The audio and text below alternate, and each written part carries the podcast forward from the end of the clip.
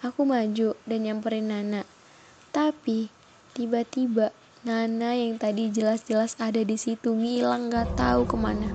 Aku langsung buru-buru balik badan, lari ke tenda dengan perasaan ketakutan. Assalamualaikum, hai semuanya, selamat datang di podcast ini. Kenalin, aku Sada.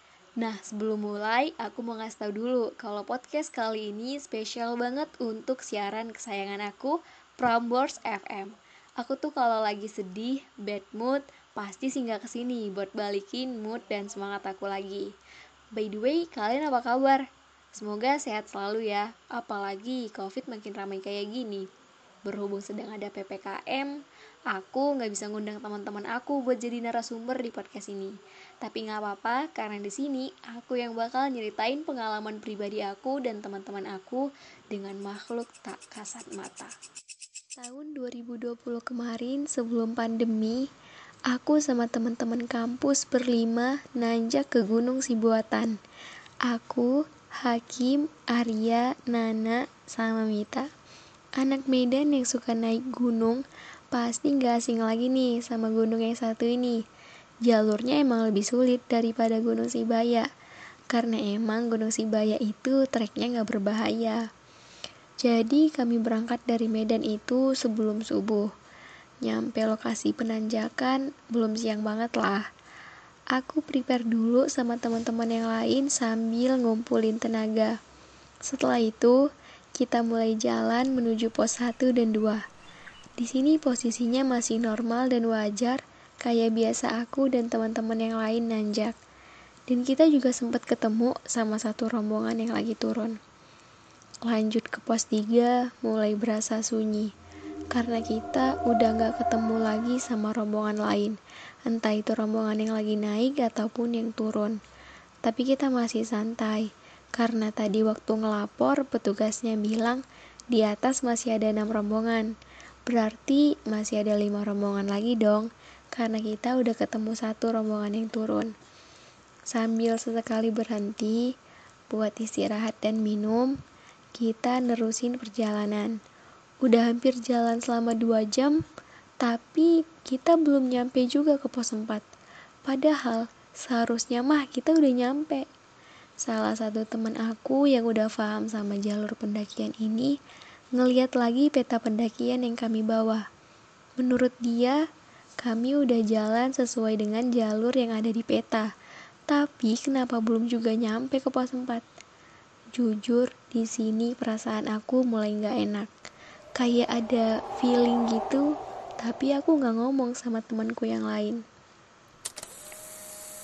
Matahari mulai tenggelam, dan kami mutusin buat berhenti jalan. Kami ngitarin sekitar buat nyari lokasi yang tepat ngebangun tenda. Setelah ketemu, kami langsung mendirikan tenda dan ngisi perut yang udah keroncongan. Ada dua tenda, satu untuk kami perempuan yang isinya tiga orang, dan satu lagi tenda untuk laki-laki yang isinya dua orang. Malamnya kami masih ngobrol sampai jam 10 malam. Setelah itu, kami masuk tenda masing-masing. Aku kesulitan tidur. Gelisah banget malam itu. Terus aku ngeliat dua temen aku, mereka udah tidur. Tinggal aku sendiri yang sadar. Aku menjamin mataku, tapi aku gak bisa tidur. Terus aku ngeliat jam di pergelangan tangan aku. Ternyata udah jam setengah 12 malam. Aku maksain mata aku lagi buat tidur. Tapi tiba-tiba teman laki-laki aku, si Hakim manggil. Eh, ada yang masih bangun gak anak cewek? Sambil ngegoyangin tenda kami. Aku gak ngejawab, karena tiba-tiba mataku ngantuk banget. Aku lapar banget nih, tolong temenin makan dong. Si Arya udah ngorok. Dia ngegoyangin lagi tenda kami. Dengan mata yang ngantuk, aku ngebuka tenda dan bilang, Udah cepetan makan, aku udah ngantuk banget. Iya sabar, kata dia sambil masak mie instan. Selesai masak, dia makan. Terus tiba-tiba si Nana keluar dari tenda. Aku nanya, mau ke mana nak? Tapi dia diem. Mau buang air ya? Masih belum ada jawaban. Yaudah aku temenin yuk. dia tetap diam dan jalan. Temenin gih, kata si hakim sama aku. Aku ngikutin Nana terus, sampai dia berhenti di satu pohon yang gede banget. Aku maju dan nyamperin Nana. Tapi, tiba-tiba Nana yang tadi jelas-jelas ada di situ ngilang gak tahu ke mana. Aku langsung buru-buru balik badan, lari ke tenda dengan perasaan ketakutan. Si hakim heran dong ngeliat aku datang sendiri. Kok sendiri? Nana mana? Yang tadi bukan Nana Kim, aku ngejawab gitu. Oh, udah gak bener nih. Yuk balik tenda, kita lanjut istirahat. Di dalam tenda, jelas aku gak bisa tidur. Aku takut banget. Ditambah suhu udara yang makin menurun, ngebuat suasana malam itu jadi makin mencekam. Di tengah kesunyian malam, tiba-tiba Nana teriak ngeraung-ngeraung kenceng banget. Demi apa pun aku takut banget. Aku bangun, duduk, aku ngeliat ke arah Nana, matanya melotot, tangannya mengepal kuat banget, dan sekujur tubuhnya berasa kaku. Aku hampir nangis di situ gara-gara ketakutan. Si Hakim dan si Arya langsung nyamperin tenda kami. Anehnya, si Mita yang biasanya paling peka justru gak bangun sama sekali. Kebetulan si Arya pernah mondok, jadi dia bisa doa buat si Nana. Alhamdulillah, pelan-pelan mata Nana udah gak ngelotot lagi dan badannya udah gak sekaku sebelumnya. Tapi tangannya masih ngepal. Pelan-pelan Nana sadar dan dia nanya, Aku kenapa?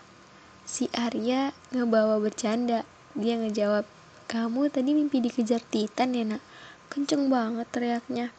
Aduh maaf ya kata si Nana Iya gak apa-apa lanjut tidur gih kalian Terus si Arya sama si Hakim balik ke tenda mereka Aku masih tetap berusaha ngebangunin si Mita di situ Mit, bangun dong Mita, Mita, nihil Dia gak ngejawab aku sama sekali dan tetap tidur Kami balik tidur lagi Dan satu jam berikutnya Aku samar ngedengar nyanyian dengan bahasa yang aku gak paham.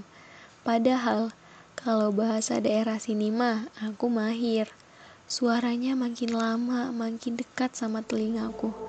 Aku ngebuka mata dan ngeliat ke arah si Mita sama si Nana. Tapi si Mitanya ngilang. Udah gak ada di dalam tenda. Aku duduk, terus kaget banget waktu ngeliat si Mita udah di luar. Posisinya kayak orang bersemedi gitu. Dan nyanyi pakai bahasa yang aneh banget. Kepalanya sama badannya gerak seirama sama nyanyian dia. Aku takut banget.